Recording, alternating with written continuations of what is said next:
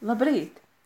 Mani sauc Teiksma Jansone, un es jums pastāstīšu par koncertu koklēm un to saistību ar skolēnu dziesmu svētkiem. Koklis mežparkā. Kurā gadā un kuros svētkos pirmo reizi koklētāji piedalās? Kur tie spēlē? Tas ir 1979. gads. Ceturtajos padomju Latvijas skolu jaunatnes dziesmu un deju svētkos noslēguma koncertā profesionāli tehnisko skolu audzēkņu apvienotajā priekšnesumā Meža parka lielajā estrādē. Vecā avīzes fotografijā var saskaitīt apmēram 70 koklētāju galviņas. Noklausoties koncerta ierakstu, jāsaka, ka dzirdēt var tikai tās pāris vai trīs koklis, kurām tika pielikti mikrofoni.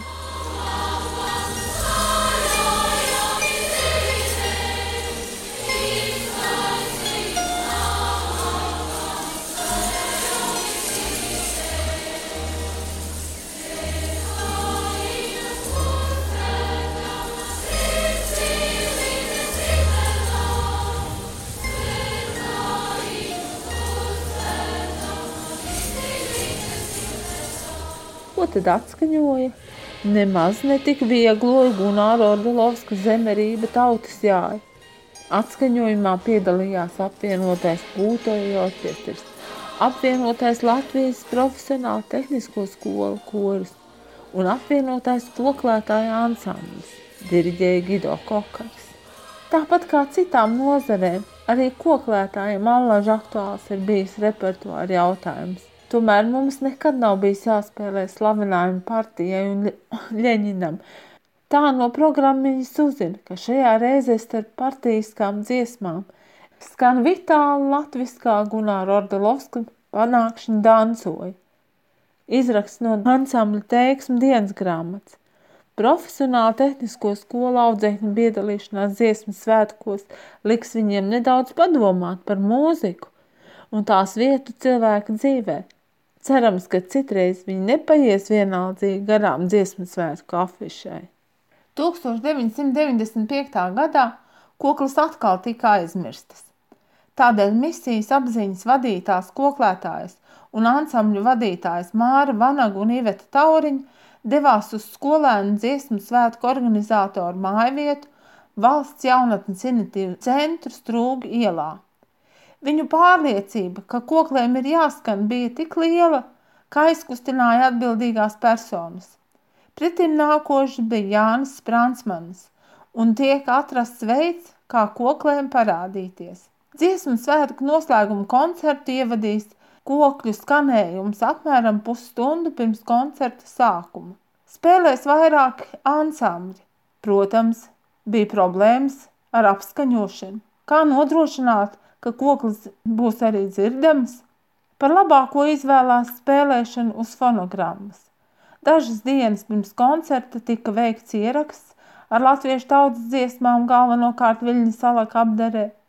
Viss izdevās tik labi, ka klausītāji esot pat saderējuši, vai koklētājs spēlē uz fonogrammas vai dzīvajā. Nākošajos dziesmu svētkos 2000. gadā Latvijas skolu jaunatnes 8. dziesmu un deju svētkos noslēguma koncerts Mežparkā tika veidots no četrām tematiskām daļām. Latvisko daļu tautas dziesmu ciklu Dodieviņa kalnā kāpt rakstīja Imants Mežeraups, sakārtoja un aranžēja. Brīnišķīga latviešu tautas dziesmu virkne, ļoti veiksmīgi. Cikla pēdējā daļa Dodieviņa kalnā kāpt ar saturisko piesātinājumi bieži tika atskaņoti atsevišķi.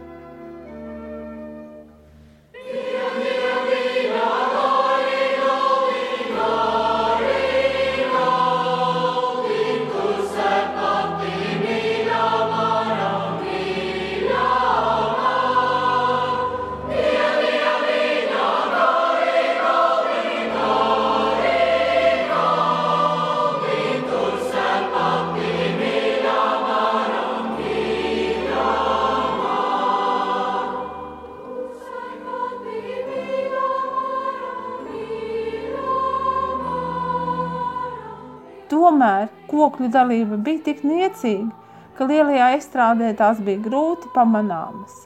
Koklis vēl tikai gaida savu koncertu, kur galvenais būs mūsu instruments, mūsu koncertu kokli. Bet līdz tam vēl ir 2005. un 2010. gada dziesmu svētki, kuros koklis skanēja tautas mūzikas koncertos.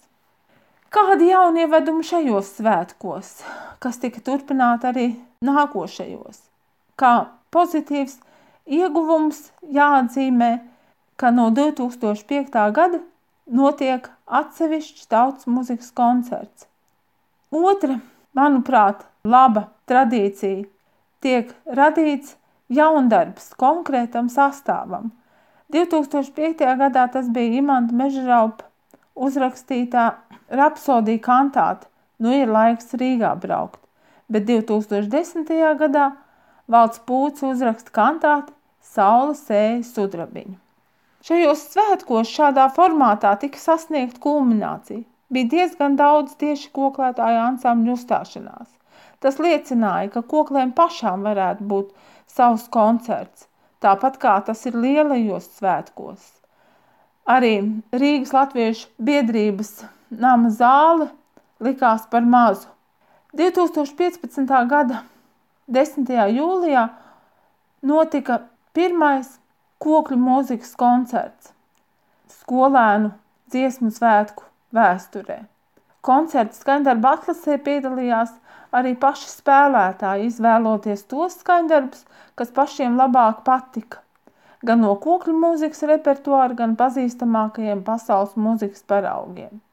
Koncertā tika parādīti mūsdienu dažādie koklas veidi, etnogrāfiskā modernizētā elektriskā koka, daudzveidīgā repertuārā no senas tautas dziesmas līdz valta pūces noslēguma skaņdarba pirmatskaņojumam.